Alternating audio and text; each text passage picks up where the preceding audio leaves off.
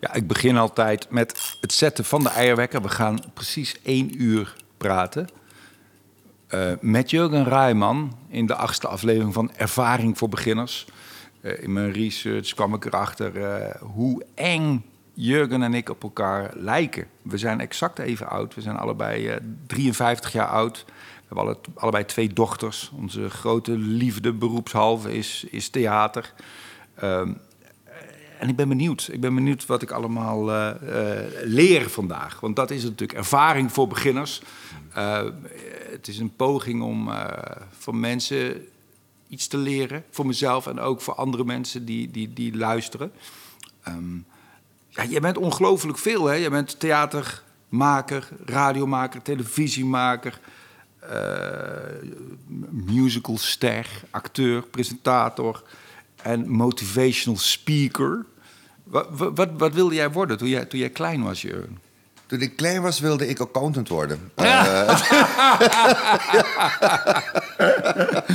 dus die droom is gewoon niet gelukt. Mijn vader was accountant. En ja. uh, ik had altijd zoiets van... Uh, ja, ik moet gewoon mijn vader achterna. Ja. Ik was op de middelbare school ook altijd heel goed in economie. Economie 2 was ik echt fantastisch in. Maar ja, toen kwam ik op de universiteit en toen kwam ik erachter dat het echt niets voor mij was. En uh, nu heb ik een accountant. Dat is eigenlijk veel leuker. veel beter. Dat is veel leuker, ja. ja. Dus, uh, ja, ik heb, ja, ik zou best wel ook een cabaretier willen hebben. Ja. In plaats van een accountant. Het, dat je zelf die grappen niet hoeft te maken. te maken het wat gewoon voor je doet, ja. Nee, maar ik, moet, ik heb wel dat theater, dat podiumding, heb ik wel al van heel jongs gehad. Dat ik uh, een soort drang had om mezelf altijd te uiten. Um, ik was vier jaar oud en ik deed mee met een modeshow.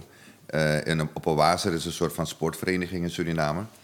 En ik weet nog, ik kwam opgelopen en uh, ik had, ik had zo'n pakje van mijn moeder gekregen. Had ze speciaal gekocht, een soort cowboy outfit.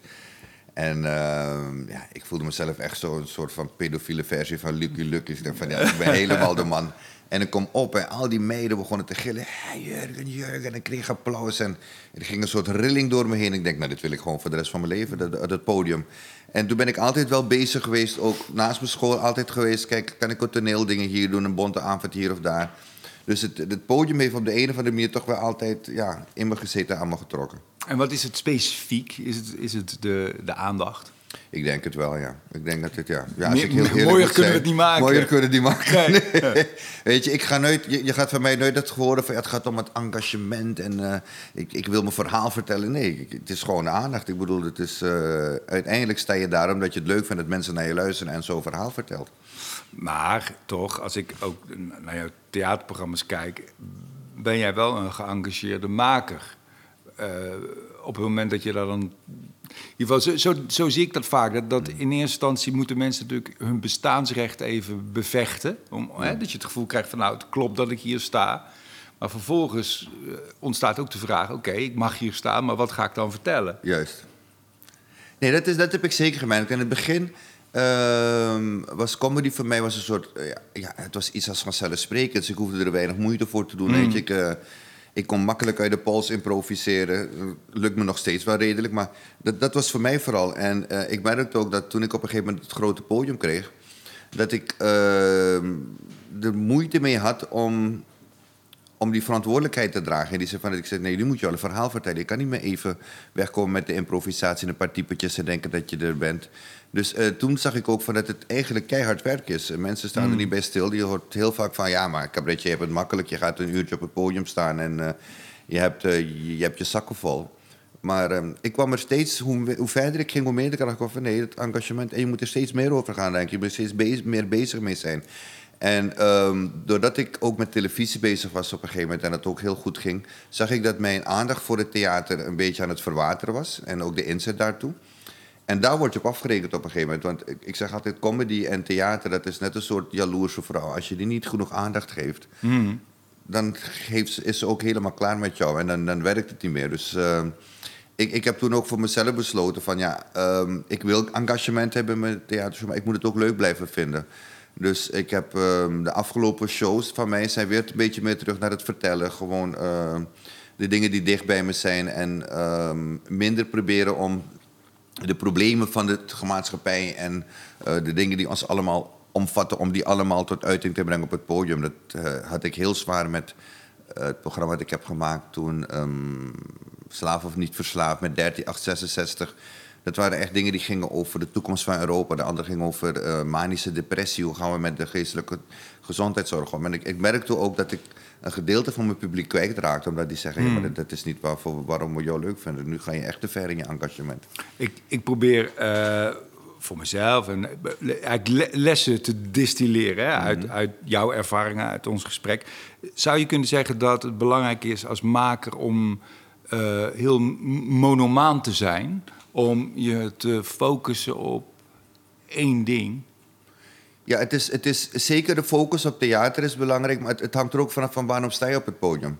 Kijk, als je op het podium staat en eh, je wil de gevierde cabaretier zijn die de volle bakken heeft, altijd zo, dan moet je heel dicht blijven binnen één, heb ik gemerkt, binnen één, eh, binnen één genre of binnen één niche van waar je goed in bent en wat, wat jou aanspreekt.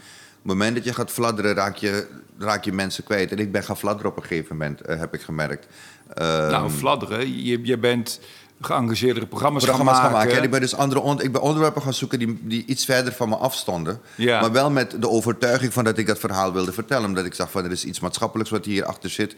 Dat verhaal moet ik vertellen. En ehm, ja, dan, ik, ik denk dat het heel belangrijk is wat je net zegt. Gewoon focus op eh, dat, dat monomane van hier ben ik goed in, dit is het dingen. Als je de volle bakken wil blijven hebben, moet je dat doen. Ik had op een gegeven moment, hoefde ik de volle bakken niet te hebben. Omdat ik niet alleen afhankelijk was van theater. Nee. nee, maar dat is En- ook niet het hoogst haalbare, dat is de ook, volle nee, bakken. nee, precies. Nee, maar nou, voor sommige mensen wel. Zeker als het, het je enige inkomen is, kan ik me voorstellen dat er bepaalde cabaretiers zijn die zeggen: Nou, dat is waar ik op focus, dat ga ik doen. En weet ik in elk geval dat ik eh, mijn inkomen heb veiliggesteld. Want ja, dat is wel een voordeel van ons vak. Ehm, met die volle bakken heb je, kan je heel gauw, kan je heel snel, kan je heel veel geld verdienen. En kan je er ook voor zorgen dat je financieel onafhankelijk bent. Als je het goed doet. Dus dan. Ja. is die focus op één ding is dan wel handig, ja. Ja. Nou, wat mij opvalt, ik heb, ik heb twee keer mm, in een line-up gestaan met jou. En het waren voor mij twee mm, memorabele optredens. De eerste keer was in het Bijlmer Park Theater. Oh ja, met Fatou was dat. Ja, met overwegend Surinaams publiek. En eh, ik speelde voor jou en eh, ik ging prima. Maar mensen moesten wel lachen om mijn grapjes. Er werd ook wel doorheen gepraat en zo. Maar het was een leuk optreden. Maar dat doen ze bij iedereen. hoor. Dat doen ze bij iedereen. Ik, voel, ik voelde me ook helemaal niet afgewezen. Maar daarna kwam jij en ik stond achter het gordijn. En ik heb echt... Ja, ik heb nog nooit zo hard gelachen om de lach van het publiek. Ja. Je maakte ze helemaal gek. Je wist precies welke knopjes je moest aanraken. En je, je kon je heel goed... eh, nou, laat ik, laat ik het aanpassen eh, noemen. Aanpassen aan het publiek. Mensen gingen helemaal uit hun dak. De tweede keer dat ik jou heb zien spelen was in eh, Club Haug in Rotterdam. Toen speelden we ook samen. Totaal ander optreden van jou. Ook heel erg goed. Je was toen bozig. Ja. En je had overal scheid aan. Je, je, je ging echt een keer op het podium. Ik vond het heel goed om te zien. Zo kende ik jou helemaal niet. Je was heel autonoom en boos. En, en eh, fuck dit, fuck dat. En eh, je zei ook absoluut niet wat mensen graag wilden horen. Maar dat wat je kwijt moest. En ik dacht echt naar de hand van... Jezus, hoe is het mogelijk dat, die, die, dat diezelfde man... die twee optredens heeft eh, gegeven... Die, die, ik- die, die ik heb gezien... Dacht ik ook, ja, hij kan... Dat, die voelsprieten van jou en dat aanpassingsvermogen... dat lijkt mij een enorm talent... maar ook een handicap als maker. Absoluut. Omdat je, ik, eh, dat, bijvoorbeeld het optreden van Hoog is ik helemaal niet tevreden over. Ehm, en ik, ja, het, het heeft echt. Ik ben ook iemand, als ik stand-up doe, en dat is voor mij heel moeilijk. Weet je, als ik weet, als ik mijn theaterprogramma doe, heb ik een bepaald. Heb je een bepaalde afbakening van: oké, dit ga ik erover hebben. Je hebt je materiaal, je weet, oké, dit gaan we doen. En dan kan je nog ruimte voor improvisatie. Maar ik heb het vaak als ik zo een club hoog doe of gewoon. dan ga ik gewoon materiaal uitproberen. En dan ga ik, en dan ga ik, dan improviseer ik ook heel erg. En ik had die dag zat ik gewoon in een hele opgefokte moed. En ik weet niet waar het vandaan Ik vond, het, kwam. ik vond het juist heel Ja. gaaf om te zien. Ja, weet je, maar het heb ik ook zoiets van... eh, stand-up comedy, het is niet altijd alleen maar om die keiharde lach, kwam ik later achter. Soms moet je ook gewoon je shit kunnen vertellen. En mensen Ja, waarderen dat ook, weet je. En eh, ja, achteraf zei Marcel ook van... ik vond het waanzinnig wat je hebt gedaan. Ja. En eh, weet je, terwijl ik zoiets had van... nee, dat je, ja, het is toch een soort mindfuck die je als com- comedian hebt... dat je altijd voelt van ja, ik moet die volle lach steeds hebben, weet je. Het moet, je moet, eh, om, de, om de drie, vier eh, opmerkingen moet ik even kleine en dan weer die grote. We hebben allemaal een soort patroon waar we ons aan Zeker, willen dat is heel houden. herkenbaar. En dat had ik die avond niet, maar ik, had, eh, ik was echt, toen ik wegging, was ik teleurgesteld. Maar toen ik een paar dagen later erover dacht, van ja, maar je hebt wel verteld wat je wilde zeggen uiteindelijk. Dus Ja, ik zou wel heel benieuwd zijn naar een avondvullende show van jou in die modus. in die mo- ik denk dat ik op een gegeven moment nog alleen op het podium sta, het publiek. De ja, ja, maar ja, ik, ik, wil ook, ik wil ook een keer lachen, weet je wel. Ja. Ik, ben, ik ben ook publiek. Ik, ik- dat zou ik waarderen. Ja, nee, maar ik zou het, ja, ik, ik, ik, ik weet niet, ik heb daar nooit bij stilgestaan. Ik, ben, ik heb ook gemerkt dat ik de laatste tijd ehm, kleinere shows toch veel leuker vind. Dus dat ik, eh, ik doe nu bijvoorbeeld een pop-up show, doe ik nu. Eh, even eruit, waarbij ik mezelf doe. En Tante S heb ik gewoon, eh, die had ik genoemd, Tante S is voor mij een, een quarantainemaatregel, noem ik haar. De ultieme quarantainemaatregel. En ehm, omdat ik gewoon even weer terug wilde naar het oude, weet je. Ik heb, ik heb gemerkt dat ik op een gegeven moment ook... Ik ben heel erg gevoelig geweest voor publieke opinie, hoe mensen kijken. En. Tante S kwam op een gegeven moment onder een soort vergrootglas... door die hele Zwarte Pieten discussie onder andere. Van, maar ja, maar eh, als Zwarte Piet niet kan... waarom mag Rijman wel zwarte vrouwen belachelijk maken? En Ja, er waren oh, ook vanuit de, ja, waren ook vanuit de black, maar ook vanuit de black community waren er gewoon mensen die zeiden: ja, eh, zwarte mannen die eh, vrouwenrollen spelen, dat is eh, demasculinisering van de man, van de zwarte man. En ik dacht van shit, weet je. Dus ik was op een gegeven moment echt gestopt. Ik denk, oké, misschien hebben mensen gelijk, misschien is het mooi geweest. En ik was er zelf ook een beetje klaar mee. Maar laatst tijdens de lockdown had ik zoiets van... eh, mijn kinderen, ik zag TikTok, zo is het begonnen. Ik zag TikTok en mijn kinderen zeiden... Papa, je moet eens Tante S gaan TikTokken. Dat gaan mensen echt leuk vinden. Nou, echt binnen een week 10.000 followers, eh, honderden duizenden views. Dus het, is echt, het was echt een hit. En toen dacht ik, maar je vindt dit eigenlijk best wel leuk als je die jurk aandoet. Dus wees nou ook true to yourself. En toen heb ik dus een programma gemaakt waarbij ik begin als Tante S... en een eh, half uurtje daarna doe ik me als mezelf. En dat voelt gewoon goed weer. Weet je, gewoon back to the old school. Maar dat zijn de dingen die ik nu leuk vind. Ik... ik ehm, ik merk dat ik het me moeilijk toe kan brengen om een heel avondvullend programma te gaan schrijven. Weet je, met het engagement van voorheen. Omdat ik ook met hele andere dingen bezig ben. Ik ben veel meer met zakelijke dingen bezig, met bedrijven. Met, eh, ik werk bijvoorbeeld nu eh, met het bedrijf waarvoor ik werk, Leonard en Leonard. Zijn we bezig met een platform, een onderwijsplatform zijn we op, aan het oprichten voor bedrijven. Waarbij we eh zelfontwikkeling en zelfstudie leuker maken. Ik vind dat een hele nieuwe uitdaging waar ik echt heel blij van word. En ik merk ook, als je met mensen praat, eh, weet je, voor jongerenwerk of met de politie of whatever, die dan enthousiast worden over het platform, dat ik daar ook een hele andere soort energie van krijg. Eh, Jezus, ja, dat doe je ook nog. Ja, dat- ja toch denk ik dan, oh Ja. man, als je, wat, wat, wat, wat, eh, ja, wat ontzettend veel. ik doe heel veel. Ja, doe- en veel verschillende dingen. maar dat is wel. Heb, heb jij niet de behoefte om, om in één ding heel erg goed te worden? Nee, ik, ik denk het niet. Ik denk, het enige waar ik echt heel goed in wil zijn, is gewoon Jurgen Rijmans zijn. En eh, dat wil zeggen dat ik een goede vader wil zijn voor mijn kinderen. Ik wil een goede echtgenoot zijn. Dat is voor, voor mij het allerbelangrijkste. En het liefst wil ik nog opa worden, maar mijn dochters hebben me al uitgelegd dat dat voorlopig niet gaat gebeuren. Ehm, maar ehm, ik, heb, ik heb echt, ik heb, ik heb, ja, langer dan tien jaar heb ik, eh, heb ik echt de volle bakken gehad in het cabaret. Ik heb een toptelevisieprogramma gehad. Eh, ik heb theater mogen doen, toneel mogen doen met ehm Huub Stapel samen heb het op het toneel gestaan. Ik bedoel, vast goed gespeeld. Eh, Glenn Gary, Glenn Ross. Een van de mooiste stukken die ooit gemaakt is. Eh, oh, sorry, die was van mij. Ik even stilzetten. Ik heb, ik heb echt ik heb de mooiste dingen kunnen doen die ik wilde doen, Theo. En ehm, overal heb ik gezien dat ik, zeker op het theater, dus ik heb musical ben ik voor gevraagd. Net wanneer ik mijn première zou hebben, is, kwam corona, dus ging het Ja. niet door. En, en daar ben ik gewoon happy mee. Ik, ik weet gewoon dat ik, ja, ik ben een, een, een multitalent, om het zo te noemen. Altijd zeg ik het zelf. Eh, en al die dingen kan ik een beetje. En ik, ben niet, ik heb niet het streven om in één ding echt heel goed Nee. uit te blinken. Dat, dat heb ik, nee. Nee, nee, dat ik vind het gewoon diversifi- die, die diversificatie van mijn portfolio, om het zo te noemen, vind ik gewoon heel fijn. Ja.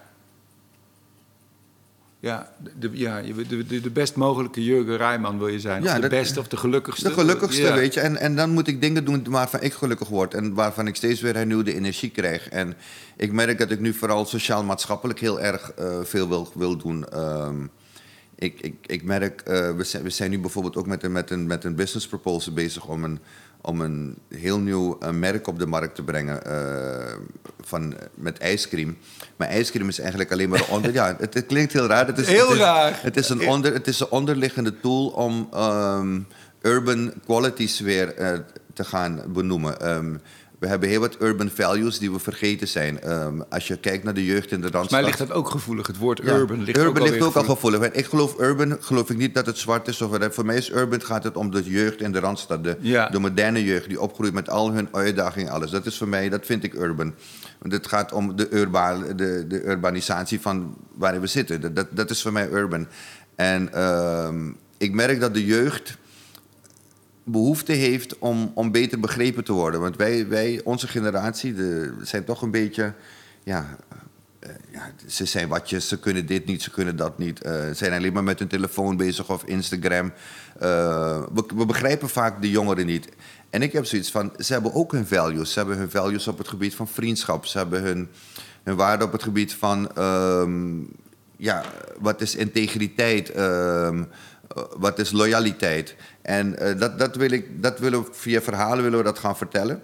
En die verhalen die, eh, worden verteld door koeien, door, door hippe koeien, zeg maar. En dat zijn biologische koeien, dus ze gebruiken geen drugs en zo. Ehm, en daaronder ligt dan het ijsmerk, zeg maar. Maar dat is meer een soort basis om eh, de next step te gaan maken, om, om dat verhaal te kunnen vertellen. Ik vind het veel belangrijker dan eh, de drives die ik voorheen had. Eh, mijn drive voorheen was, ja, oké, ik moet snel kijken, hoe kan ik veel geld verdienen? Wat is, weet je, je- ik was veel meer money-driven en ik ben nu op een punt, ondanks het feit dat mijn bedrijf bijna naar de kloten gaat door die hele coronacrisis, Ja. dat ik denk van, het geld is echt niet meer belangrijk, Theo. Het is, eh, ik denk dat het echt met, met mijn leeftijd ook te maken heeft, dat ik hele andere waarden heb gekregen die voor mij belangrijk zijn geworden. Ja, je hebt ook een paar opflippers. Want ik herken het helemaal niet. Het is heel Ja. grappig. Dat ik, ik ben werkelijk... En niet om een soort integere Ja. pino uit te hangen, want dat ben ik helemaal niet. Maar bijvoorbeeld geld is voor mij echt werkelijk nooit dat een drijfveer geweest. Echt helemaal nooit. Terwijl ik ook hartstikke veel Ja. heb verdiend natuurlijk. Ja. Maar het is heel... heel Nee, het is heel raar. Ik dacht, dus, ik dacht ook dat geld... Dus die, dit- dit- Ik was heel erg money-driven. Maar aan de andere kant kon het me ook heel weinig schelen. Het, wat, ik, ik bedoel, ik ben niet echt goed omgegaan met mijn geld. Nee. iemand die zat te potten en op mijn rekening zat te kijken hoeveel heb ik nu. Ik vond gewoon, oké, ik verdien genoeg, dan kan ik lekker leven, dat wil ik hebben. Ja. Weet je? En dat heeft zich op een gegeven moment, ja, heb ik ook gemerkt van dat dat niet zo werkt. Want geld is net als comedy. Als je er niet van houdt, houdt het ook niet van jou. Dus je moet wel een beetje slim ermee omgaan. Ja. Ja, want Maar- je hebt ook een, nogal een, eh, een deuk opgelopen, toch ook Ja. financieel. Ik hoorde, of dat vertelde je zelf hoor, dat je van zes ton opeens kwijt Ja, was. was ik, was ik kwijt door een, door een investering die ik had gedaan die echt helemaal verkeerd liep. eh. maar ja, weet je, en ik zit nog steeds te struggelen. En het ging net, weet je, dat ik een beetje ruik. En toen kwam corona, nou, dan zit je weer helemaal aan de Ja. bottom. Maar ik merk nu dat ik eh, die angst die ik drie jaar geleden had toen het gebeurde, weet je, die knoop in je maag van shit, hoe ga ik nou doen? Heb ik nu helemaal niet meer. Ik ben nu zelfs voor het punt, ik zeg, als ik mijn bedrijf moet laten klappen en drie jaar in de WSOP moet gaan, fuck it. Ja. Weet je, ik ga gewoon lekker doorgenieten van mijn leven. En ik weet nu wat belangrijk is. Dus het is ook een groeiproces waar je doorheen gaat, denk ik, op een gegeven moment. Dat je erachter komt van ja. Eh, In je hoofd is het dat misschien dat geld belangrijk is. En misschien is dat ook iets wat te maken heeft met, eh, ja, met je referentiekader waarin je, waar ben je opgegroeid. Weet je, mijn vader was accountant. Die was altijd met financiën bezig, altijd met geld bezig. Dus het was voor mij misschien ook daarom dat ik dacht van oké, het is belangrijk, zorg ervoor dat je genoeg verdient. Maar ja, het, het, is nu echt geen drijfveer meer. En daar ben ik wel heel blij om. Ja, want dan kom je uit bij wat je echt wil. Echt toch? wel, ja, precies. Ja. En dan ga, je ook, dan ga je ook de dingen doen die, die, ja, waar je gelukkig van wordt. En dat is ook mensen helpen. Mensen helpen vooral, ja. En eh, weet je, de, de, de- je geluk uit de kleine dingen halen. Ehm, bijvoorbeeld nu met het, met het ijscream of weet je, of met, of met het brief, met het platform waarmee we bezig zijn. Gewoon, als je ziet hoe mensen enthousiast kunnen worden, doordat je zelfontwikkeling leuk hebt gemaakt voor ze. Weet je, we hebben gewoon we hebben elementen uit de gaming-industrie gebruiken we om mensen te motiveren om zichzelf te ontwikkelen. Nou, als je dan ziet wat het resultaat is, hoe je dan mensen kan beïnvloeden, gedrag kan beïnvloeden en hoe je hun leven beter kan maken. Ja, daar word ik heel En hoe, gaat dat dan? Vertel eens. Ik ben wel Nou, bijvoorbeeld, eh, ik zei, ik, dingen zei, ik, zei, de- ik, zei een klein voorbeeld geven wat we gedaan met het platform. Eh, op een gegeven moment hebben we door een ziekenhuis werden benaderd van eh, specialisten die zijn heel moeilijk. Specialisten die, die zijn, hebben zoiets van, luister, wij zijn hier om levens te redden, we hebben daarvoor gestudeerd. Kom ons niet lastigvallen met allerlei administratieve dingen. Die hebben hun administratie vaak niet op orde. Omdat ze het nog niet op orde, ze lopen achter omdat ze het niet belangrijk Ja. vinden. En ze hebben het natuurlijk ook onwezenlijk druk. Ja. Nou, in het ziekenhuis was er een baristo.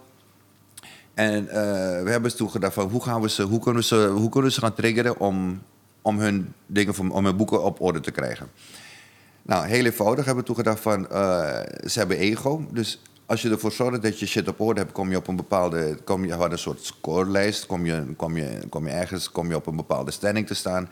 En de top 15 van die, van die groep die mag gratis koffie halen. Of die krijgt gratis koffie, of niet te wachten bij de baristo. Nou, we gingen Heel van. kinderachtig Het is heel kinderachtig, maar het- op een gegeven moment gingen we van een engagement van 45%. gingen we naar een engagement van eh, over de 85%. En, en dat zijn, het zijn hele kleine dingen, maar het, het, is, beloningjes. het is beloningjes, weet je. En we, Ja. komen uit een, we komen uit een cultuur in Nederland waarbij we vooral straffen. We we komen uit een cultuur van eh, wantrouwen, een cultuur van straffen, een cultuur van eh, niet waarderen wat je doet.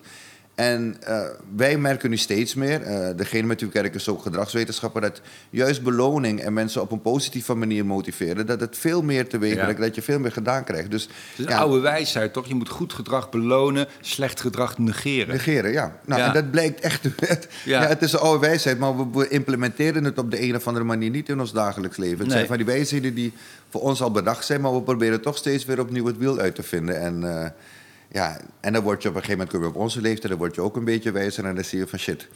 Was ik maar eh, wat eerder hierachter gekomen dat die oude wijsheden werkelijk kloppen. En wat is, toen jij, eh, laten we zeggen, 17, 18 was, Mhm. heb jij toen leraren gehad of mensen gehad die jou geholpen hebben? Eh, ik heb wel mensen gehad die me geïnspireerd hebben, die me heel erg geïnspireerd hebben. Ik had, ik had bijvoorbeeld een leraar, meneer Kisun Singh, die gaf wiskunde en ik haatte wiskunde. Maar meneer Kisun Singh was de enige die mij van een 3 van wiskunde naar een 7 heeft kunnen brengen. Puur enkel en alleen door zijn passie voor het vak, hoe hij het vertelde. En eh, ik had daarvoor had ik een andere meneer, meneer Casanarjo. En die meneer Casanarjo die kwam gewoon met een boek.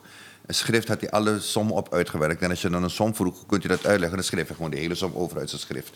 En dan zei hoe komt hij daar van die, op die stap? Nou, dan veegde hij alles uit. En dan schreef hij weer de hele som over. Dus het compleet niet... eh, geen leraar, weet je wel. Een, Nee. Goed in wiskunde, maar geen leraar. En eh, ik denk dat meneer Kisu Singh een van de mensen is die me daartoe gebracht heeft om mijn middelbare school goed af te ronden.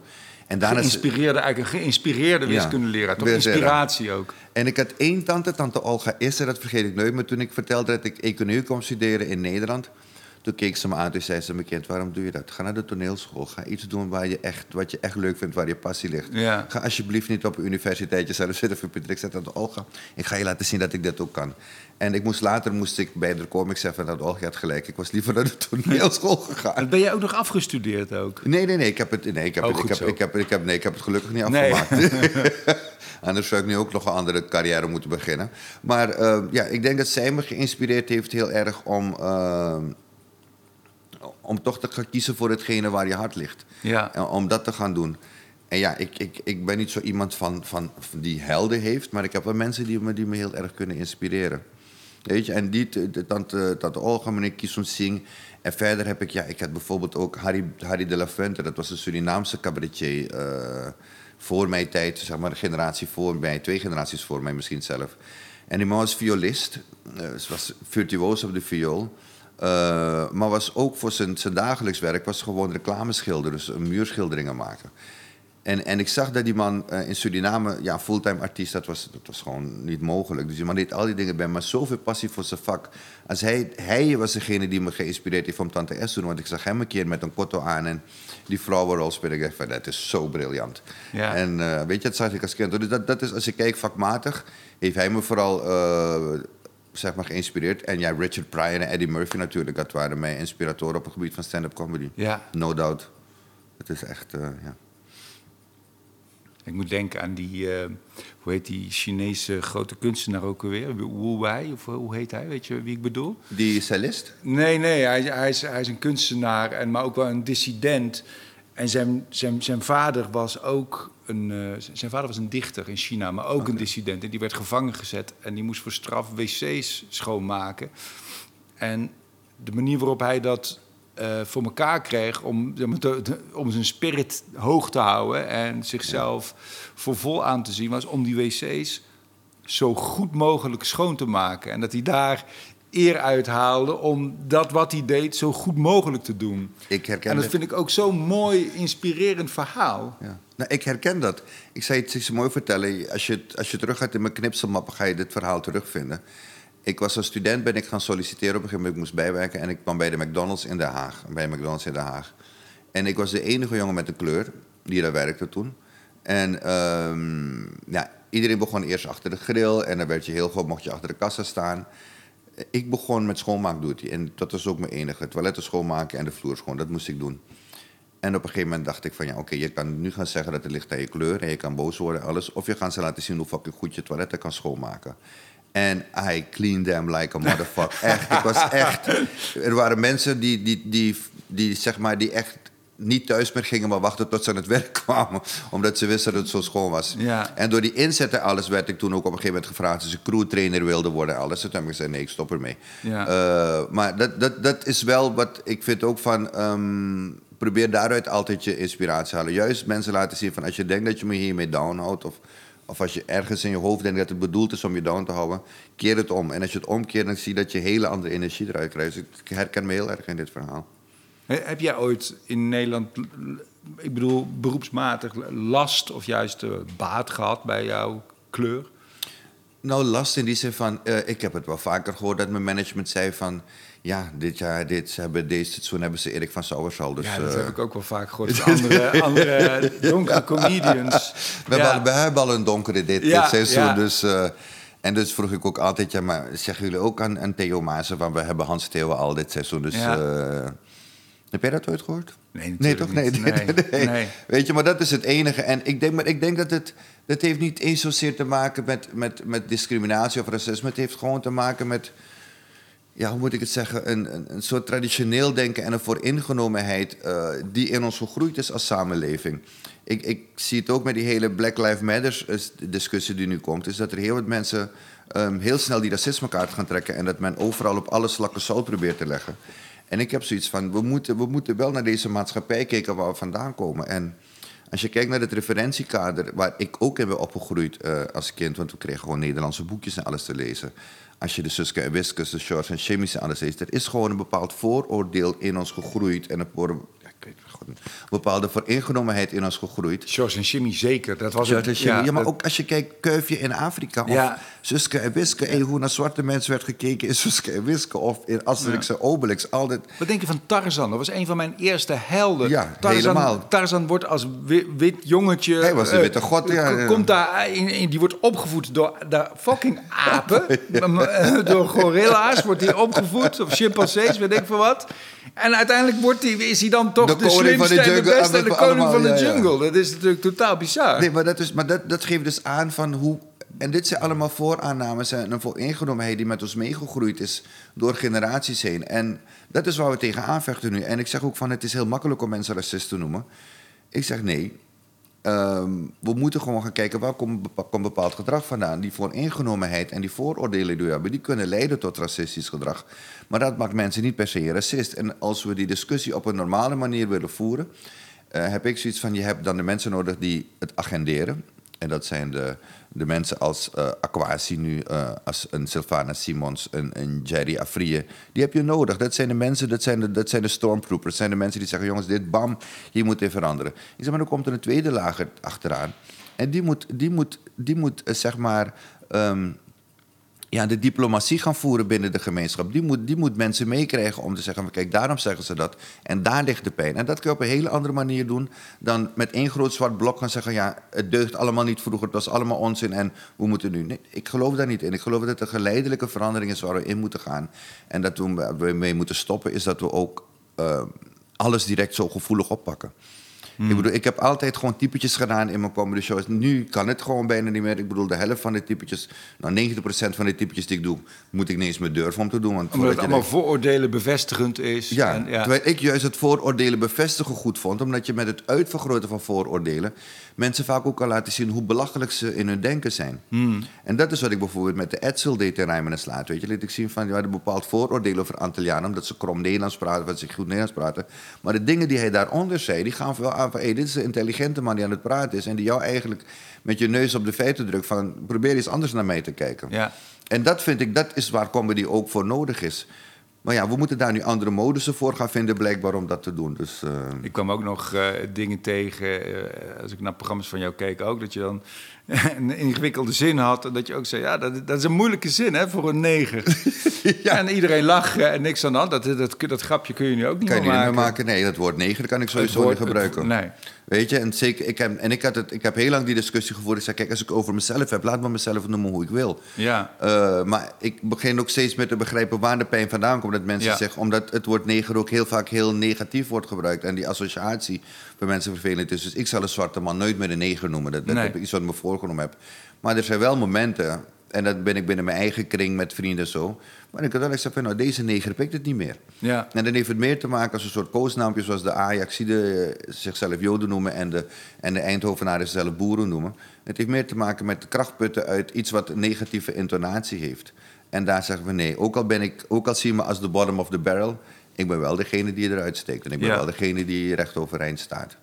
Ik denk ook, maar ik- ja, ik, ik, weet, nou, ik weet een beetje iets van, ook uit het milieu waar je, ja, waar je uit voortkomt en zo. Maar Je, je vader was accountant, een beetje mi- middenklasse wel. ja. hè. Je vader en moeder hadden allebei een eigen auto. Auto. En, eh, we eh, hadden het niet verkeerd niet. Dat is, nee, nee. want ik, ik denk, oh, ik heb ook het idee dat je ook wel iemand bent die van nature ook wel eh, een hele gezonde dosis zelfvertrouwen heeft ook. Of is dat niet altijd zo geweest? Ehm, het is niet altijd zo geweest. Ik heb, het, ik, heb, ik heb wel het zelfvertrouwen in die zin van dat ik eh, durf. Dat ik mezelf eh, kwetsbaar durf op te stellen. Zelf dat ik denk van oké, wat kan mij gebeuren? Dat heb ik mezelf aangeleerd.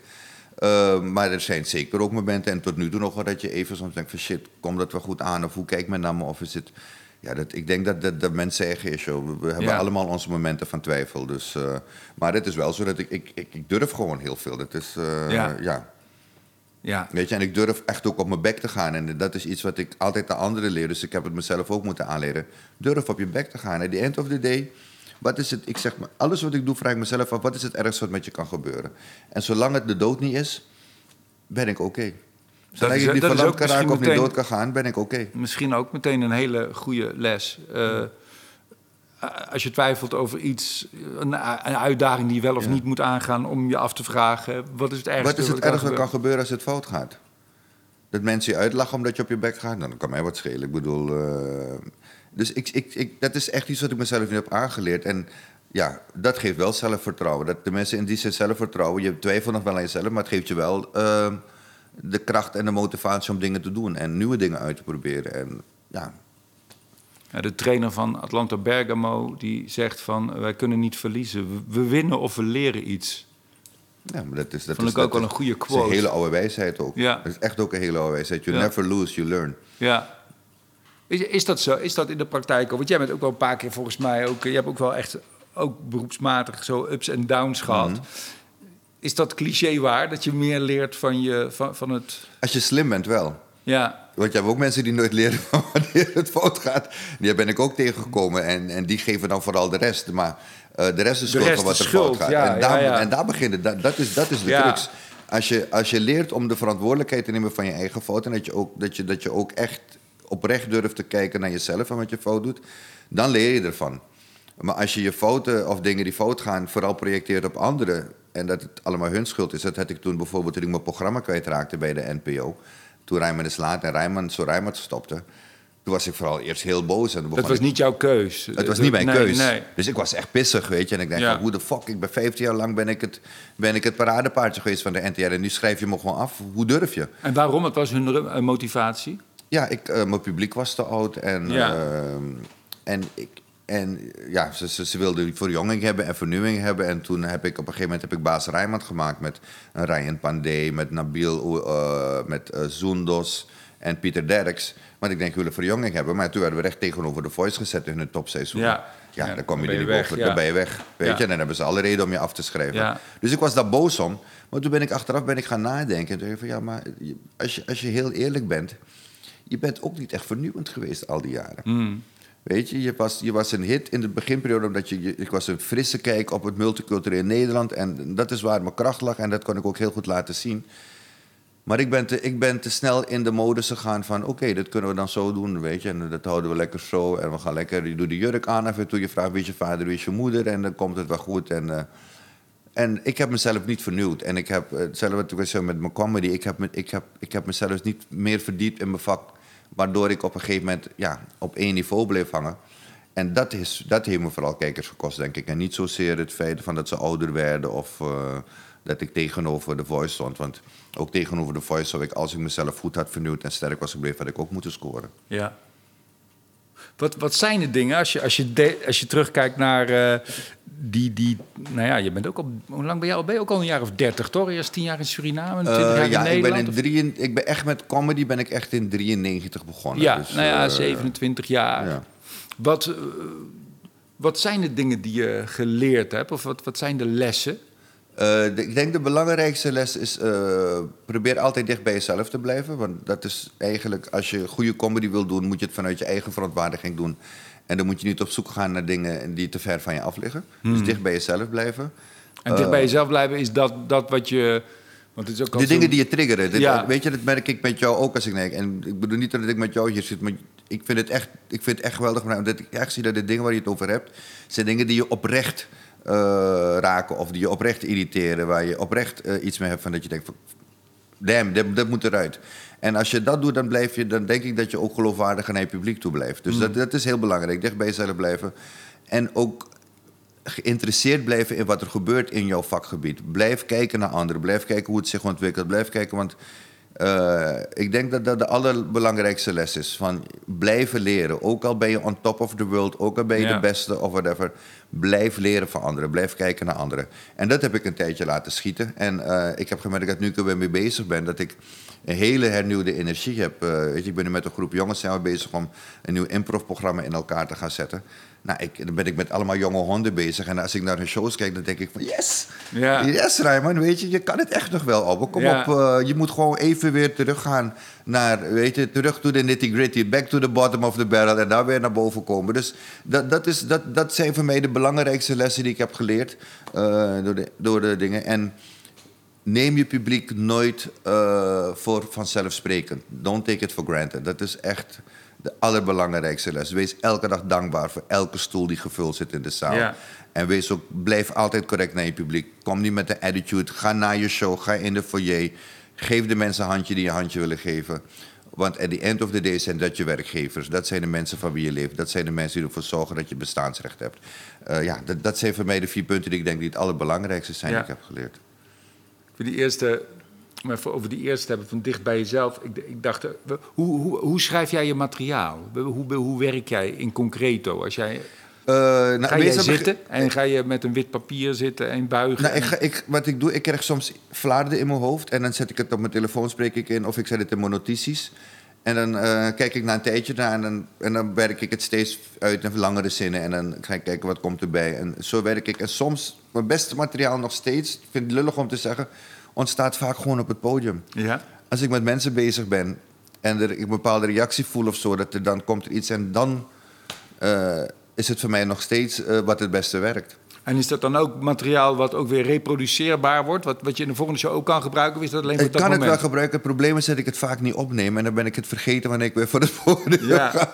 ja. Dus, eh, weet je, dus dat zijn ook dingen die ik mezelf moest aanleren. Van neem alles op wat je doet. Alleen maar om terug te luisteren. Ik kan heel slecht mezelf terug luisteren. Als ik mezelf Ja, terug moeilijk is dat, luister, dan word ik heel onzeker van. Ja. Dan denk ik, jezus, vinden mensen dit grappig? Waar Ja. heb je het over? Ja, dat is heel lastig. Het is echt ook. heel lastig. Dus dat, dat is iets wat ik heel... Weet je, ik kijk kijk bijvoorbeeld naar Roerwee Verveer. Die heeft echt die drive. Weet je, Roerwee die neemt alles op, luistert terug. Gaat herschrijven, gaat het herstructureren. Ik Ja, dat is een professional, dan kan ik het ook. ja, dat- ik, ik, ja ik, ik kan het niet. Dat is echt Nee. een drive waar, waar ik echt heel veel bewondering voor heb. Want dat, Ja. ik, heb dat heel, ik vind het heel moeilijk gewoon. Maar ik vind het wel grappig hoe je het. Want ik doe het ook zo. Misschien veel jongens doen het zo. Mhm. eh, eh, op het moment, want ik denk ook op het moment dat ik ga zitten... Komt er zitten iets. schrijven, dan ga je voor, voor hetzelfde ga je dan bedenken, ja, wat, wat, wat is eigenlijk leuk? Of wat is nou leuk om het over te hebben? Terwijl als het binnenvalt, dan Ja. is het al, dan is het al dat wat je opvalt, of dan is het al heel dicht bij jezelf. Dat is de eerste trigger. Dat is het belangrijkste gewoon. Weet je. je moet gewoon de eerste kick moet je hebben. Van, ja, boem. En dan ga je erop af. En ik heb gemerkt dat dat voor mij echt het allerbeste werkt als ik, eh, als ik eh, met materiaal bezig ben. Ik vind het best wel risicovol. Er zijn eh, een aantal jongens die, en meiden die schrijven bijvoorbeeld ook voor bijvoorbeeld Dit Was Het Nieuws. Ja. En aan de ene kant leer je daar natuurlijk van, omdat je heel erg goed leert hoe je een grap moet schrijven. Aan de andere kant, het risico bestaat ook dat je een soort vakmanschap ontwikkelt, waardoor je heel goed bent in grappen schrijven over wat dan ook. Ook als het je niet boeit, maar omdat het toevallig die week in het Ja. nieuws is geweest. En dat je een beetje verdwaalt van jouw eh, natuurlijke staat van zijn en wie jij, wie jij, wie jij echt bent. Ja, maar En dat zie je ook gebeuren. Ja, en uiteindelijk ook als ik op een, eh, eh, naar een comedyavond kijk, dan ben ik toch altijd, word ik altijd meest geraakt toch door de persoon en eh, wie, wie daar staat. En ja, dat, is, dat heeft voor mij toch een hogere waarde dan eh, zes goede grappen achter elkaar. Sorry voor mijn telefoon, Theo. Dat ding blijft... Oh, ik heb het proberen uit te maken, maar ik je ben bent gewoon... de eerste die dat, die dat, bij wie dat erover komt. Het, Ja, dat gebeurt met... niemand heeft het lef. dat, is, dat is heel goed voor, me, Maar- voor mijn zelfvertrouwen. Dat je Ik ga die hele ruzie ga ik ook nu niet voeren. Dat doen we na, na de podcast. Je hebt geluk, man, die anderhalve meter economie. Nee, weet je, dat je- dat op mijn bek geslagen. Ja, dat ik al lang op je bek geslagen. Nee, maar het is, Nee. het, is, ehm, het is echt wat je zegt. Ik merkte dat ook toen ik uh, Rijman is Laat maakte. Zo, dat hadden we ook een schrijversteam waar ook Ja. comedies in zaten. En dan merk je toch ook van, als je ze op het podium bezig ziet... er zit een hele andere dynamiek dan de grappen die ze vaak schrijven voor je. Hmm. En ehm, ja, die vakmatigheid. Ik denk dat je in Amerika ziet veel beter. Je hebt echt comedy writers, die zijn echt alleen aan het schrijven. Ja. En je hebt de comedians die gewoon optreden. Eh, en er zijn natuurlijk ook comedians die gewoon materiaal schrijven voor anderen. Maar ik denk dat, ja, onze wereld is gewoon ook veel te klein om het los te kunnen zien. Ik bedoel, als comedy writer hier in Nederland... denk ik dat, dat er heel weinig ruimte is in programma's om, om je ei kwijt te kunnen. Dus het is, eh, ja, dan moet je beide doen. Dus je moet in die stand-up mode zitten, de open podium doen wat kan... en daarnaast ook nog schrijven. Dat- Ja. en dat, Ja. is wel, dat is wel iets wat je ziet van dat er een, een soort verwatering plaatsvindt soms eh, in het engagement. Of tenminste in hetgene wat dichtbij je blijft. Hey, en je bent ook nog, dat vind ik ook een interessant fenomeen... eh, je bent ook motivational speaker, toch? Ja, nou, Of- ik, ik, noem het zelf, ik, ik noem het zelf meer een mindset-inspirator. Het klinkt raar, dit is een beetje een andere naam geven, maar ehm, ik vind motivational speaker heeft een soort toon gekregen door de Emiel Ratelbans van deze wereld. Dus zodat je mensen even een kick in de ass geven, dan gaat het Ja. goed. En, en, Die schoenverkopers Die even een schoenverkoper, boost ja, precies, dat, ze morgen dat ze morgen nog meer schoenen gaan verkopen. Weet je, en dat dacht ik in het begin, maar dan merk je ook van als je dan één sessie doet met een bedrijf. Ja, dan zijn mensen heel erg geïnspireerd. En eh, dan weet je gewoon dat ze, als ze naar huis gaan, dat er nog, 20, dat er nog 30% of 40% geïnspireerd is. En na een week is het nog 10% die weet wat je hebt gezegd. Ehm, ik vind het veel belangrijker om een trek met mensen in te gaan, waarbij je ze ook leert om anders naar dingen te kijken. Om vanuit mijn ervaring mensen te helpen van, oké, maar hoe kan je mindset veranderen om anders naar dingen te kijken? Ehm, bijvoorbeeld, waar ik het net over had van eh, niet alles direct persoonlijk opvatten als racisme of dat mensen je discrimineren, maar durf ook anders te kijken van waarom reageert iemand zo, waarom zegt, waar komt die persoon vandaan? Eh, dat, dat is mindset. En ik geloof ook dat je met mindset dat je veel verder komt dan eh, steeds maar boeken lezen van anderen hoe je het moet doen. Ja, je kan al bijna in die, in die zin, als je al gaat denken in wij-zij... Als, Ja. je dat, als, je dat, als je daarachter komt, dan klopt er Dat eigenlijk totaal al niet. niet. Nee, dat zei ik ook. Het is ook geen wij-zij. Het is wij met z'n allen tegen één bepaald fenomeen. En dat kan je racisme of discriminatie noemen. Maar wij als mensheid moeten ons daartegen uitspreken. Of wij moeten ons daartegen verzetten wat we doen. Maar op het moment dat je gaat zeggen... ja, maar wij als zwarte community moeten die... Dan, ben je al 2-0 achter. Want dan, dan zit je zelf al die scheiding te maken. En ehm, ook die slachtofferrol irriteert me mateloos. Want ik zeg van jongens... hiërarchie wordt bepaald door degene die zich het minste voelt. En op het moment dat jij steeds jezelf als tweede rangsburger ziet... dan zal je ook die tweede rangsburger voor de rest van je leven blijven. Ik laat me door niets en niemand eh, minder voelen of me minder voelen. Nee, Mm. helemaal niet. Dat heb ik helemaal niet. Ik ben ook nooit onzeker om met wie ik daar ook in gesprek moet gaan. Nee. Ik vind het heel fijn. Ik heb dat echt geleerd van mijn vader ook. Die was ook zo'n figuur die ook op niemand neerkeek en tegen niemand opkeek of zo. Dat is ook helemaal nergens voor nodig, voor niemand Het slaat niet. ook nergens op. Sommige mensen kunnen bepaalde dingen beter. Daar moet je ze waardering voor geven. Maar dat, dat maakt hem geen beter mens dan, dan wie ik ben. Of dat maakt, dat maakt. Of als iemand iets minder kan dan ik, maakt het hem geen minder mens dan ik ben. Eh, we zijn allemaal uiteindelijk mensen. We hebben allemaal onze eigen talenten gekregen in wat we doen. Het enige is van, ja, probeer die ander gewoon te begrijpen voor wie en wat hij is. En probeer er echt oprecht naar te kijken. Maar ja, we leven in een tijd van, van bubbels, van, van meningen die, die recht tegenover elkaar staan. En ja, als ik op internet iets zet op Facebook en ik heb drie likes, dan heb ik gewoon gelijk. En dan kan de rest van de wereld de vliegende vinkertering krijgen. Maar hé, drie mensen hebben het gelijk, dus waar heb je het over? Ik heb gelijk. En als we, als we in die modus blijven, ja, dan gaan we langzaam maar zeker wel tegenover elkaar blijven staan. Ik heb toch wel weer zin in een programma van jou, Jurgen. Gewoon avondvullend. Fuck al die bijdingen en die ijsjes en die motivational speakers en die schoenverkopers. Fuck everybody. Misschien moet ik daar, ja, nee, ik, ik weet niet. Het is, het is weet je... ehm, ik had mezelf ooit Ik voorgenomen... wil jou graag motiveren om dat weer te gaan, gaan doen. doen. Ja. Oké, is goed. We gaan een bootcamp doen. Ik, ik ben alleen geen motivational speaker. Ik heb wel eens zitten denken om een demotivatiespreker te zijn. Want heel veel mensen moeten ook gedemotiveerd worden. Die doen de verkeerde dingen. Dat lijkt mij leuk. Ja, ja, dat ja, kom op jongen, je hebt een beetje demotivatie. Ja, ja. Die doen het verkeerde. Onze afdeling sales gaat toch goed. we gaan Theo inhuren. Ja, ja, je hebt ook criminelen. Je hebt allemaal mensen die verkeerde dingen doen. Dit meteen een hoorspel. Dat, ja, dat, dat is waar, ja. ja even een beetje ja, bedrinken nu water. Ja. Nee, maar het is... ehm, ik, ik heb, hoe het weet, ik, ik ben gewoon heel happy nu in de, in de fase waar ik ben en met de dingen die ik doe. En ehm, wellicht dat er nog een keer een programma komt, een keer een avondvullend programma. Ik was bezig om een vervolg op eh, Even Slikken te maken. Om eigenlijk te laten zien dat de problematiek waar ik het toen over had, die, die multi-etniciteit in Nederland, waar eh, we tegen elkaar keken over de rarigheden van mensen, dat we eigenlijk geen haar veranderd zijn als je kijkt hoe we met vluchtelingen omgaan en zo. Er is er geen moer veranderd in het land. Maar ehm, ja, misschien komt dat wellicht nog een keer. Ik, ik, ik, heb, ik, ik ben doordat, doordat ik eh, een heel jaar lang Hello Dolly zou gaan doen, heb ik op een gegeven moment ook die hele modus in mijn hoofd veranderd. En dan ga ik me daarop concentreren. Ja. Ik ben zanglessen gaan nemen, weet je. Ik was echt bezig conditie om, om, goed music, om een goede musical performer te kunnen zijn. En nu moet ik weer de switch maken naar, oké, als je dan weer eh cabaretprogramma, dan moet je dus weer gaan zitten in een hele andere modus. Dus waarschijnlijk wordt het dan, ja, 2022 of zo, dat ik weer met een nieuw programma kom. Was dat jouw eerste, even slikken, was dat jouw eerste Nederlandse avondvullende programma? Of het eerste programma waar je mee doorbrak? Waarmee ik doorbrak. Ik had daarvoor had ik wat kleine dingetjes gedaan, hier maar even slikken. Dat was echt mijn, Heb je die nog wel eens teruggezien? ja. En wat, wat zie je dan als je daar nu naar kijkt? Dan, dan zie ik die jongen die vooral heel veel plezier had in, eh, in wat hij deed. Hij zat te genieten van eh, wat hij deed. En ja, eh, wat ik, wat ik, waar ik mezelf dan vond dat ik echt goed was, is gewoon die typetjes. Ik, bedoel, ik doe 23 verschillende typetjes in het programma. Echt? Ja, maar dan heel kort, zonder omkleed eh, dingen Ja. verder. Doe ik het gewoon heel kort, alleen het eerst druk ik dan een jurk aan. En ehm, ik zat ook, ik zei van eigenlijk ben ik nooit meer daaroverheen gekomen. Nee. Nee, het is, het is eh, qua populariteit en alles tenminste. Ik, bedoel, ik vind andere programma's die ik heb gemaakt, vond ik sterker inhoudelijk. Daar moet ik heel eerlijk in zijn. Maar Even Slikken, dat was echt, dat was echt eh, ja, mijn gouden plaat.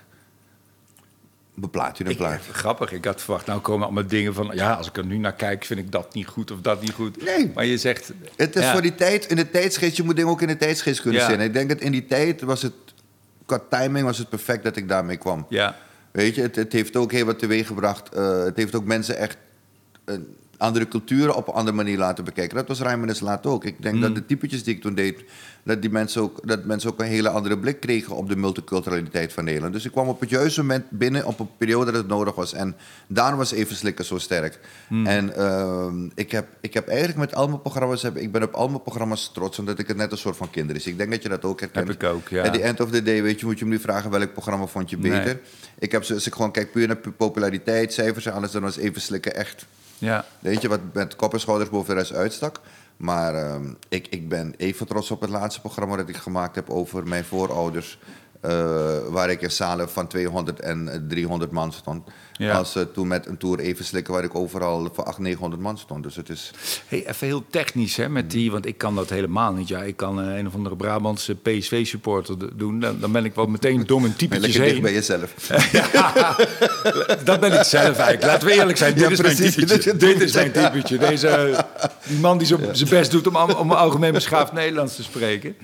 Maar die, die stemmetjes, die 23 stemmetjes dan, is dat iets wat vanzelf gaat? Of oefen je dat ook echt? Nee, dat gaat bij mij echt heel vanzelf. Ik ben niet iemand die accenten oefent of dingen. Het gaat echt. Het, ehm, omdat ik altijd gefascineerd ben geweest door mensen die anders spraken dan mij. Of mensen die eh, zich anders uiten hoe ik me uit. En dat, dat, dat, dat, dat pak ik heel snel op. Ik heb, op een gegeven moment heb ik in het restaurant Pommel hier in Utrecht... Uh, werkte ik in mijn studententijd. En dan werkte ik alleen met Marokkanen in de keuken. Ja, op een gegeven moment had ik dat accent zo te pakken. Joh. Ja. En, en, en, en dan is het ook heel vanzelf. Het is ook niet bedoeld om hun te jennen of whatever. maar het, het gaat gewoon zo. Als Ja, ik op Curaçao is ben, ook leuk, als ik op ja. Curaçao ben, schakelt mijn accent binnen twee dagen ook helemaal om. En dan begin ik ook als een Antilliaan te praten. Ja. Dus, eh, ja, en, jij- ik- en je kan ook, hè, ik moet ook altijd heel erg lachen als jij heel netjes Nederlands gaat Ja. praten. meestal, meestal een beetje bekakt mannetje is ja, dat dan, dan? dan krijg je dat. Ja, dat, dat kan ik ook als het moet. Dus Ja. het is. eh, maar ik, ik, ik, ik, ik heb gemerkt van dat het voor mij. Weet, weet je nog wel hoe je eigen... Weet je nog wel, klopt dit nog wel, hoe je nu praat? Is, ben je wel... nog- Ja, Nou, als ik het terugluister, ga ik denken: waarom moest je zo'n rare stem opzetten toen je met Theo sprak? nee, maar ik denk dat ik, dat, ik, dat ik nu wel de kunst heb gevonden om dicht bij mezelf te blijven. Of tenminste om mijn eigen stem. Dit is mijn stemkleur. En eh, weet je, ik merk wel als ik bijvoorbeeld in Suriname ben dat ik iets Surinaamser ga praten, maar dat is door de omgeving. ja. En eh, ja, als ik een avond zit ehm, en ik zit ja, met mijn VVD-vriendjes of zo, dan merk ik dat ik ook heel snel daarin, eh, ja, dat ik me daarin aanpas. In mijn, Dat is ook spraak. grappig. Dat jij, jij bent een van de weinige cabaretiers, er zijn er wel een paar meer, maar Mhm. waarvan ik ook weet op welke politieke partij die stemt. Ja. Misschien, ja. En, en dan ook nog eens op de VVD. Ik ken ook geen andere cabaretier waarvan ik denk, oh, volgens mij stemt hij ook op de VVD.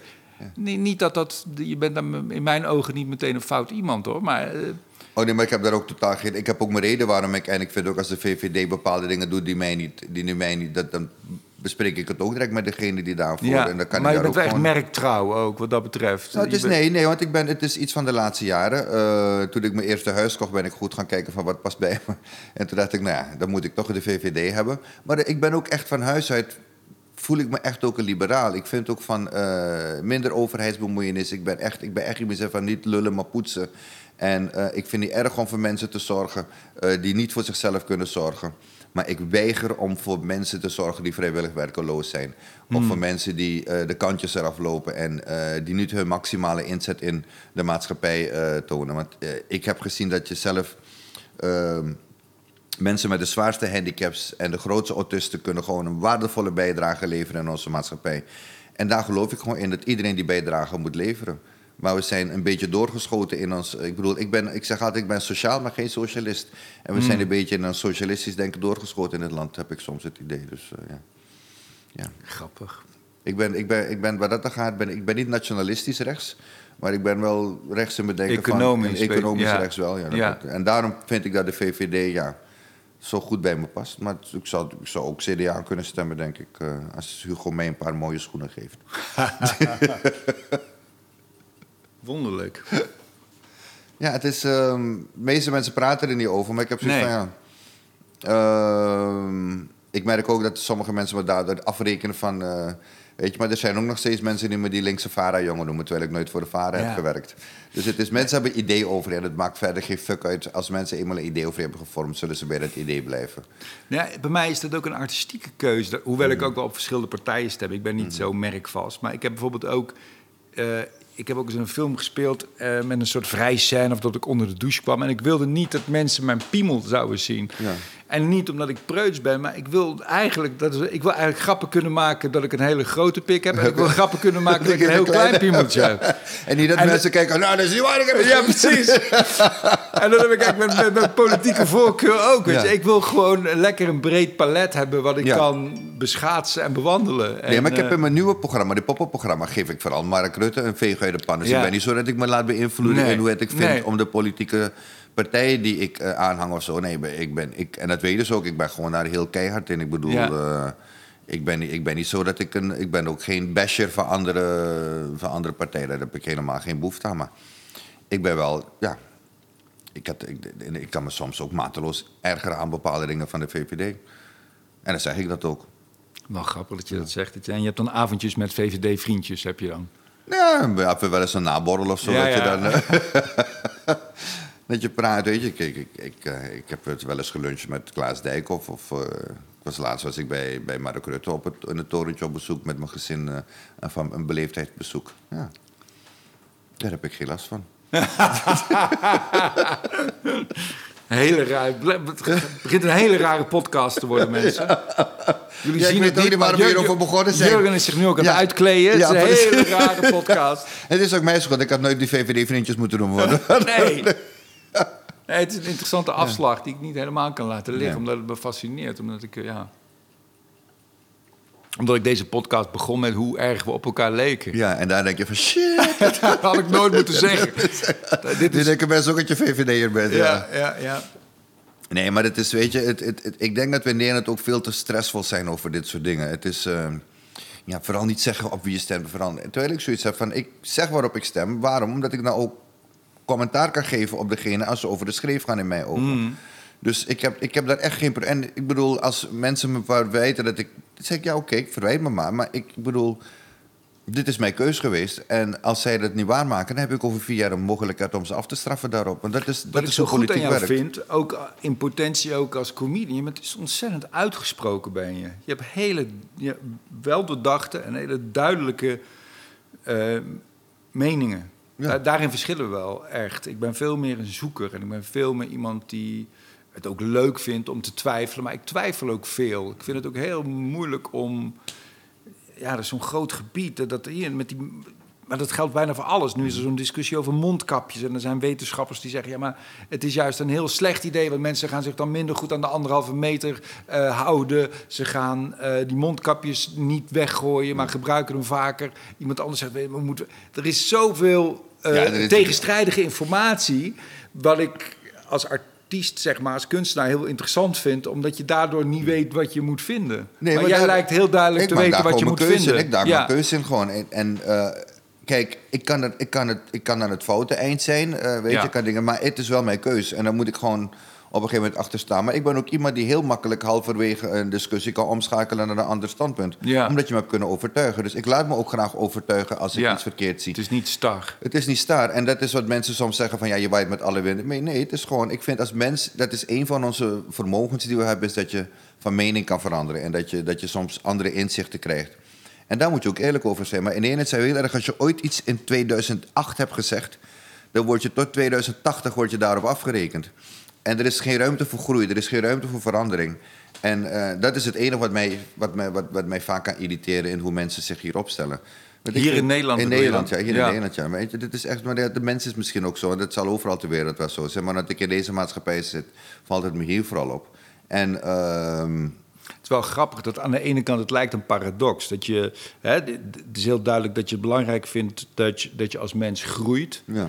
En aan de andere kant is het ook heel belangrijk dat je heel dicht bij jezelf blijft. Dat ja, je, dat je eigenlijk moet je, je mag niet groeien hier, dat is het. Je, moet, je mag niet van mening veranderen. Eh, en ik vind het veranderen van mening is een vorm van groei. Hmm. Eh, omdat je, je komt tot nieuwe inzichten, je ziet dingen anders. Dus laten mensen dat vooral ook doen. Ehm, ik, ik, heb, ik heb het echt gemerkt dat we in Nederland eh, soms nog mensen... Je ziet het soms online, zie je dingen verschijnen... die in 2011 zijn geproduceerd of zo. Door iemand die ooit eens in 2011 heeft gezegd. En dan blijven we gewoon, ja, maar dat heeft hij toegezegd. Ja, dan denk ja. ik van, hé hey guys, kom op man. Je praat over iets wat hoe lang geleden gebeurd is? Negen jaar geleden? Let it go. Wa- wat is een belangrijk ding waar je echt over, van mening over veranderd bent in de loop der jaren? Ehm, nou, ik, ik denk dat een van de dingen die voor mij belangrijk is, is hoe ik naar het, het hele fenomeen van Zwarte Piet ben gaan kijken. Ik was heel militant in het begin. Van, van jongens, dit kan niet, weet je, we moeten echt, dit moet veranderen. Het is, het, het, het is ook fout, nog steeds in mijn ogen. Maar ik heb, ik heb ook nu door van dat we het niet met een knop om kunnen zetten en zeggen, morgen is het er niet meer. Het is een proces waar we doorheen moeten gaan en waar we generaties over moeten laten beslissen. Ehm, en ik denk dat ik, eh, net, zo, net zo als met bijvoorbeeld die hele beeldenstorm die plaat. Ik was ook zo van, ja, waarom moeten we fucking beeld van Koen er hebben? Haal het omver, weet je. Zet Mandela daar. Die is veel... Nee, je moet Koen ook daar laten staan. Waarom? Omdat je op dat plakkaat moet zetten van wat hij werkelijk gedaan heeft. En laat de generaties na ons bepalen. Als ze daar nog een standbeeld van willen hebben. Of dat ze nieuwe helden standbeelden gaan maken. Zodat we ook eh, de verandering van de mensheid kunnen zien door de jaren heen. Want je kan de geschiedenis niet uitwissen door eh pennenstrepen te trekken. Eh, door bepaalde periodes die we zijn doorstaan. De uit te gummen. Door uit te gummen, dat kan niet. Dus ehm, ik denk dat ik daarin eh, zoiets heb van ja. ehm, dat ik, dat ik door andere zichten, toes- inzichten ben gekomen. Dat ik ook zag hoe mensen zich ingroeven toen die hele Zwarte Pieter discussie begon. Ehm, toen, hoe ik zag hoe mensen daarop reageerden. Dat ik van ja, het blijft fout. Het is, het is iets wat, wat mij nog steeds kan kwetsen als ik dat zie. En ik weet ook waarom zwarte mensen kan kwetsen. Want ik heb dingen meegemaakt in mijn leven waarbij ik voor Zwarte Piet ben uitgemaakt. Of waarbij mensen associaties hebben gemaakt waarvan ik dacht van wow, nigga, really? Weet je, dus het is... ehm, maar ik ben, daar, ik ben daar misschien milder in geworden door mijn leeftijd. Maar ik, ik kijk er anders tegenaan. En ik denk dat we mensen de ruimte moeten geven om zelf de beslissing te maken. En dat je niet... eh, je kan mensen niet gedwongen dingen laten veranderen van de een op de andere dag. En dat is een van de inzichten die me dan door, de, door sommige mensen in de black community niet in dank wordt afgenomen. Ze zeggen, je bent gewoon een bounty geworden. Want je... Nee, ik geloof gewoon dat we dingen met consensus... dat je veel verder komt door uit te leggen waar de pijn ligt... dan alleen maar mensen voor racist uit te maken. Ja, ik ben daar ook pragmatisch in. Ja, ik, ik denk, ben- ik, ik denk ook dat dat sneller tot een goed, het goed, goede resultaat is dat het verdwijnt. Die gekke Precies. Zwarte Piet. En, Ja. eh, Nou, ik, ik, ik moet je één ding meegeven. De meest briljante fucking Zwarte Pieter grap ooit heb jij gemaakt. En ik heb mezelf voor de kop geslagen dat ik er niet aan heb gedacht. Ken je dat? Wanneer soms een grap bij je andere Ja, kant dat hoort, ja. je denkt van damn! Nee, dat was de, ik, ik weet niet, maar het ging erover dat je zei van ja, eh hele mensen zeggen van eh, ja, maar de meerderheid vindt het toch leuk. En, en, en toen zei je, Ja. dat heb je bij groepsverkrachting Ja, ook. Dat, ik, vond, Ja. ja. ik vond dat zo sterk, weet je. En, en, en, en ik denk dat je daarmee echt ook direct boem midden in die zere plek gaat. Ja, soms gaat het niet om de aantallen, maar om zoveel mogelijk pijn te vermijden, toch? Ja, precies.